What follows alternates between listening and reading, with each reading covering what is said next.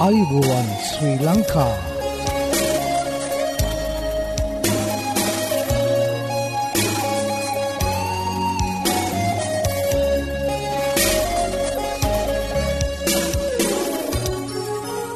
ඔබට සුපදවස මේ ඇඩවෙන්ටිස් වර්ල් රේඩියෝ බලාපොරොත්වය හඬයි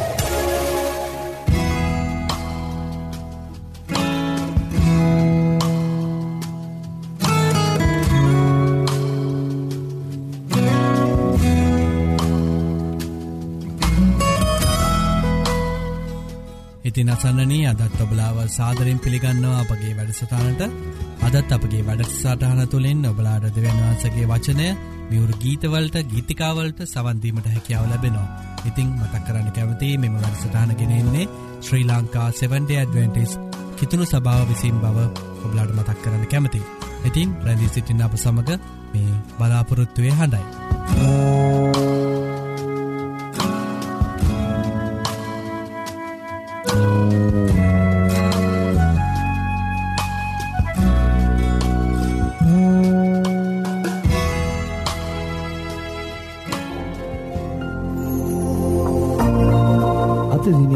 බයිබල් පාටය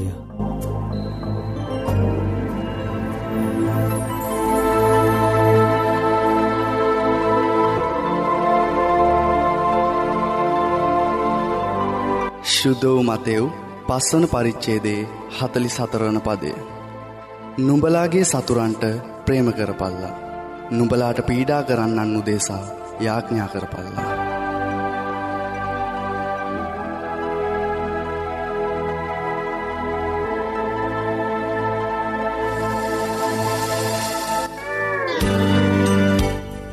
ආයුබෝවන් මේ ඇඩවෙන්ටිස් වර්ල් රේඩියෝ බලාපොරොත්තුවය හන.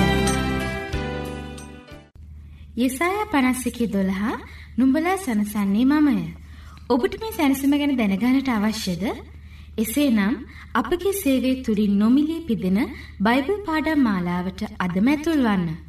මෙන්න අපගේ ලිපිනය ඇඩවෙන්ටිස් වල් රේඩියෝ බලාපොරොත්තුවේ හඬ තැපැල් පෙටිය නමසේ පා කොළඹ තුන්න.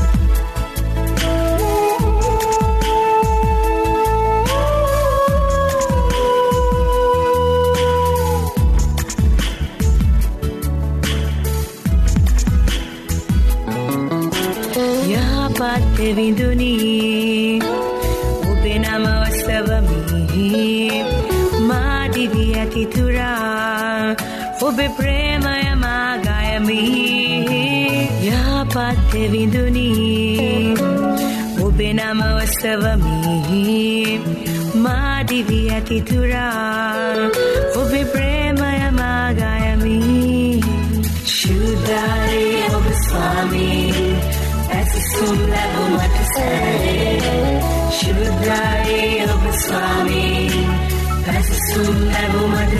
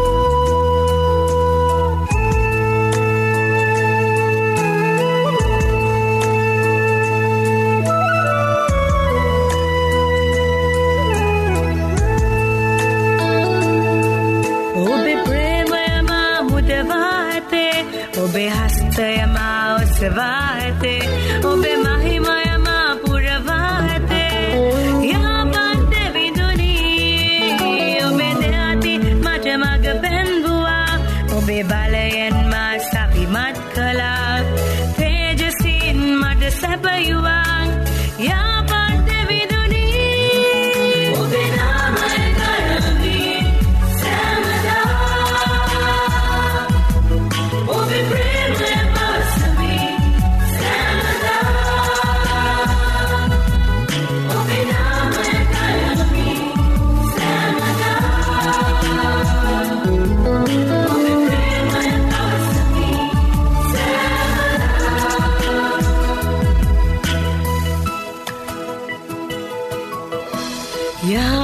තෙවිඳුනි ඔබේ නම ඔස්සවමෙහි මාදිවි ඇතිතුරා ඔබේ ප්‍රේමය මාගයමි යහපත් තෙවිඳුනි ඔබේ නම ඔස්සවමෙහි මාදිවි ඇතිතුරා ඔබේ ප්‍රේමය මාගයමි ශුද්ධාරි ඔබ ස්වාමී jumlah sakit Shudai obesfami Kasih jumlah bumat sakit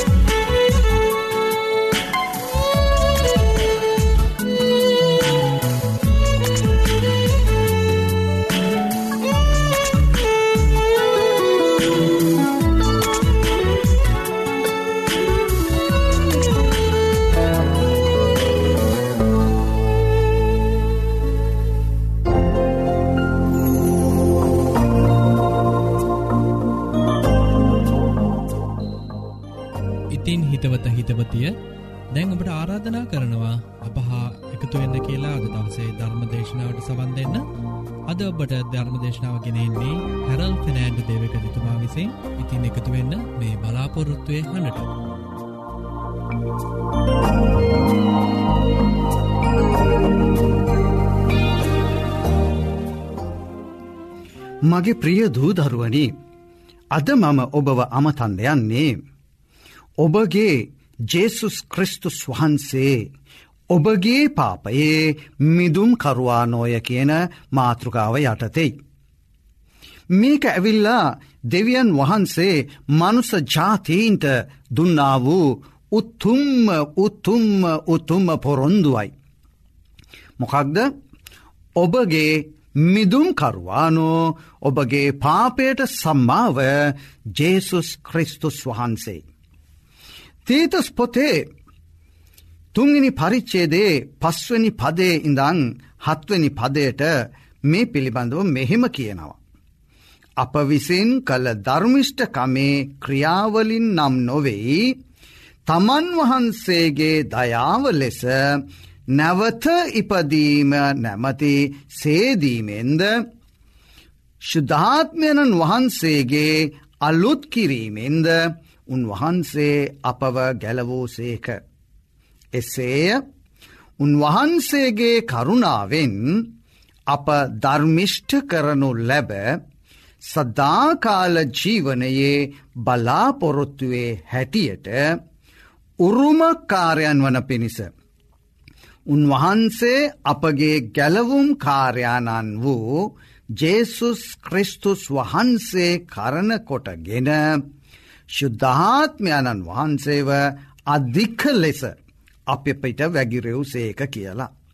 තුරද මෙතනදීම පෙන්නුම් කරනවා අපගේ සදාකාල ජීවනයේ බලාපොරොත්තුව නම් ජේසුස් ක්‍රිස්තුස් වහන්සේ. උන්වහන්සේ තමයි ඔබගේ පාපය වෙනුවෙන් කුර්සියට ගිහිල්ලා ජීවිතය පූචා කරලා පාප සමාවේ දොර ඇරලා දුන්නේ මාර්ගය ව්‍යවෘත කරලා දුන්නේ. එක යොහන් පොතේ හතරේ දා හතර මෙහෙම කියනවා. පියාණන් වහන්සේ විසින් පුත්‍රයාණන් ලෝකයාගේ ගැලවුම් කාරයාකොට එවූ බව අපි දුටිමුව. ලූක් සුභාරංචියයේ පළමෙනි පරිච්චේදයේ හතලිස් හත්වනි පදය මෙහෙම කියනවා. මාගේ ආත්මයද මාගේ ගැලවුම්කාර දෙවියන් වහන්සේ කෙරෙහි ප්‍රීතිමත් වනා කියලා. යොහන් හතරවිනි පරිච්චේදේ හතලිස් දෙවිනි පදය මෙන්න මෙහෙම කියනවා. මේ සියල්ලම ඔබට පෙන්නුම් කරන්නේ ජේසුස් ක්‍රිස්තුස් වහන්සේ ඔබගේ පාප සමාව දීලා තිබෙන බවයි. හොඳ අපි බලමු යොහන් හතරේ හතලිස් දෙක. සමාර්ය වරුන්ගෙන් බොහෝ දෙනෙක්. උන්වහන්සේ කෙරෙහි අදහා ගාත්නු ලැබුවා. මේ වෙලාවෙදී. සමාරියවරු උන්වහන්සේ ළඟට ඇවිල්ලා තමුන් සමග නවතින ලෙස උන්වහන්සේගෙන් ඉල්ලුව. උන්වහන්සේත් ඔවුන් සමඟ දවස් දෙකක් නැවතිලා හිටිය. වෙනත් බොහෝ දෙනෙක් උන්වහන්සේගේ වචනය නිසා උන්වහන්සේගේ ඒ අනුශාසනා අවවාද දේශන අසාගෙන උන්වහන්සේව අදහාගෙන ස්ත්‍රියට කතා කරලා කියනවා මෙන්න මෙහෙම. අප දැන් අදහන්නේ නුම්බේකීම නිසා නොවේ. මක් නිසාද අපිම අසා සැබෑවටම මුන් වහන්සේ. ලෝකයාගේ ගැලවුම් කාර්යාණන් බව දැනගත්තු නිසයි කියලා කියනවා. ලස්සට කියනවන එදැම් මේ ජනතාව කියනවා මේ එකෙක් කෙනා කියන නිසාපි ජේසුස් ක්‍රිස්තුස් වහන්සේ වදාගත්තේ නෑ. අපි දැන් අදහන්නේ නුඹේකීම නිසා නොවෙයි මක් නිසාද අපිම අසලා සැබෑවටම මුන් වහන්සේ ලෝකයාගේ ගැලවුම් කාරයණන් බව දන්න නිසයි කියලා. ලූක් දහනමේ දහය මෙහෙම කියනවා. මනුෂ්‍ය පුත්‍රයා වන ජෙසුස් ක්‍රිස්තුස් වහන්සේ නැති වූදේ සොයන්ටද ගලවා ගන්ටද ආයේ අයි කිව්වා. ඔබ ඔබගේ වරදකාරකම නිසා නැතිවී සිටින විටයි ජේසුස් ක්‍රිස්තුස් වහන්සේ ඔබව සොයාගෙන එන්නේ. ඔබ වෙතටම උන්වහන්සේ එනවා. ඔබ ළඟටම උන්වහන්සේ එනවා. ඔබගේ සිත නැමති දොරටුව ජේසුස් ක්‍රිස්තුස් වහන්සේ වෙත ඇරලත බන්න. ඔබගේ කැමැත්ත උන්වහන්සේට කියා තබන්න මම ආසයි මම කැමතියි ඔබ වහන්සේව මගේ චරිතයට මගේ ජීවිතයට පිළිගන්න කියලා. යොහන්තුනේ දාසය මෙන්න මෙහෙම කියනවා. දෙවියන් වහන්සේ සුවකීය ඒක ජාතක පුත්‍රයාණන් දෙන තරම් ලෝකයාට ප්‍රේම කලා. එහෙම කළේ උන්වහන්සේ කෙරෙහි අදහාගන්නා වූ සැම දෙනාවම ඔබත් ඇතුළුව. විනාශ්‍ය නොවී සදාකාල ජීවනය ලබන පිණිසයි කියලා. දෙවියන් වහන්සේ ජේසුස් ක්‍රිස්තුස් වහන්සේව මේ ලෝකයට එව්වේ ලෝක ජනතාවවම ඔබත් ඇතුළුව. විනිශ්චය කරන්නට නොවෙයි උන්වහන්සේ කරනකොටගෙන පාපයෙන් ඒ පාපේ තිත්ත ශාපයෙන් ගලවාගන්නටයි. රෝම පොතේ තුන්වෙනි පරිච්චේදේ විසි හතර විසි පහ ඔබට මෙහිම ඔවදනක් දෙනවා.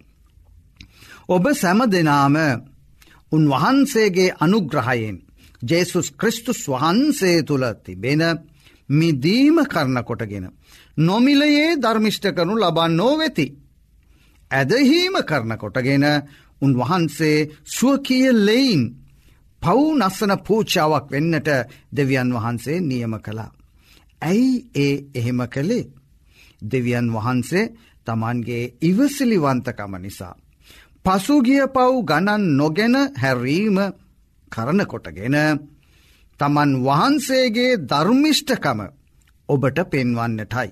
බලන්න දෙවියන් වහන්සේ කොච්චර ධර්මිෂ්ටද ඔබගේ පාපය ගණන් ගන්නේ නැහැ ඇබැයි ඔබ ජේසුස් ක්‍රිස්තුස් වහන්සේ වෙතට ආවොත් පමණයි. උන්වහන්සේව ඔබගේ පුද්ගලික ගැලුම් කාරයල් ලෙස පිළිගත්තොත් පමණයි. එපිස දෙවිනි පරිච්චේදේ හතරවනි පදය පස්වනි පදය මෙහෙම කියන. දෙවියන් වහන්සේගේ දයාවෙන් පොහොසත්ව සිටිනස්සේ. අපට ප්‍රේම කලා වූ තමන් වහන්සේගේ මහත් ප්‍රේමයෙන් අපගේ වරද කරන කොටගෙන. අප මැරී සිටි කල්හි පවා ක්‍රිස්තුස් ජෙසුස් වහන්සේ සමග අප ජීවත් කර.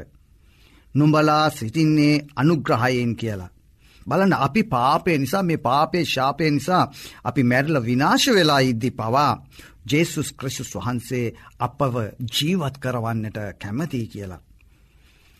අපට පාපයට සුවය දෙන්නට කැමතියි කියලා.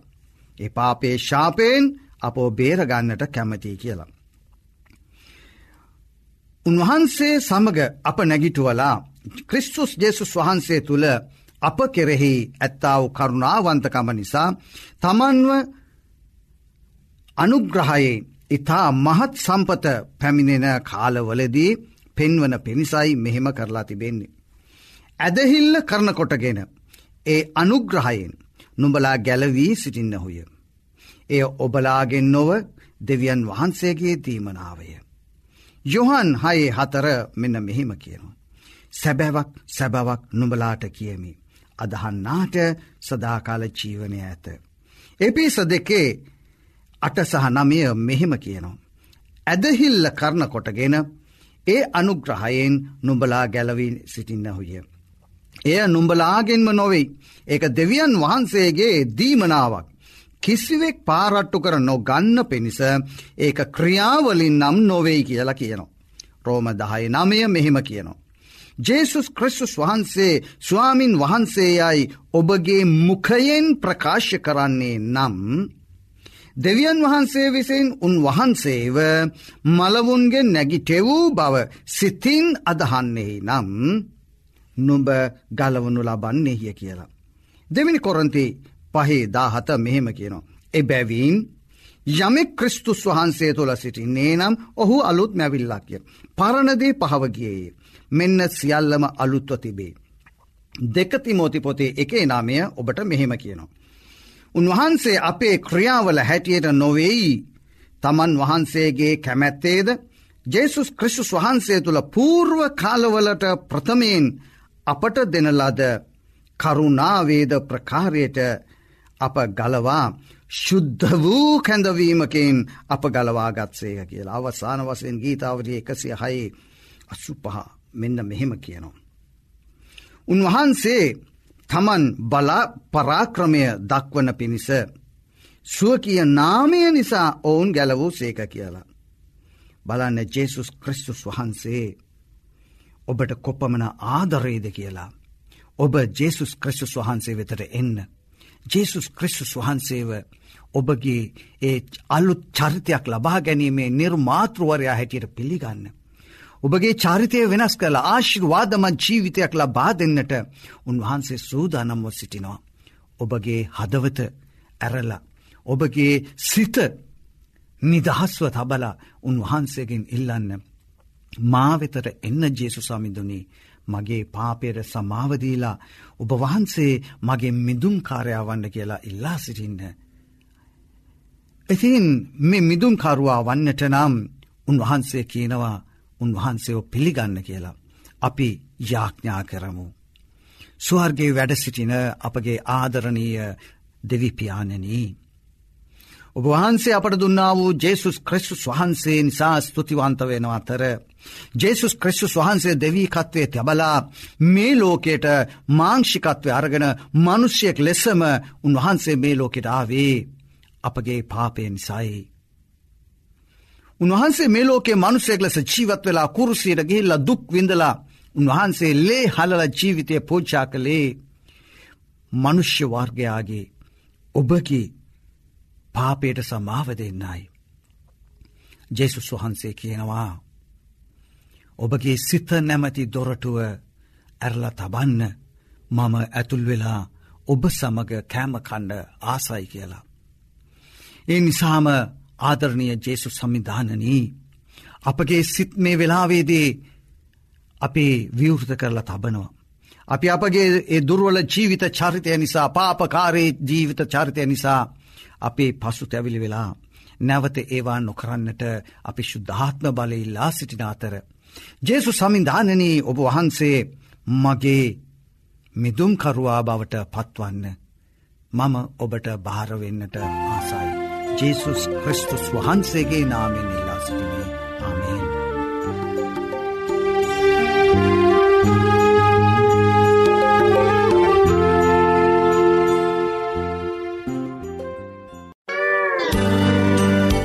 ආයුබෝවන් මේ ඇඩ්ෆිටිස් වර්ල් රේඩියෝ බලාපොරොත්වය හන.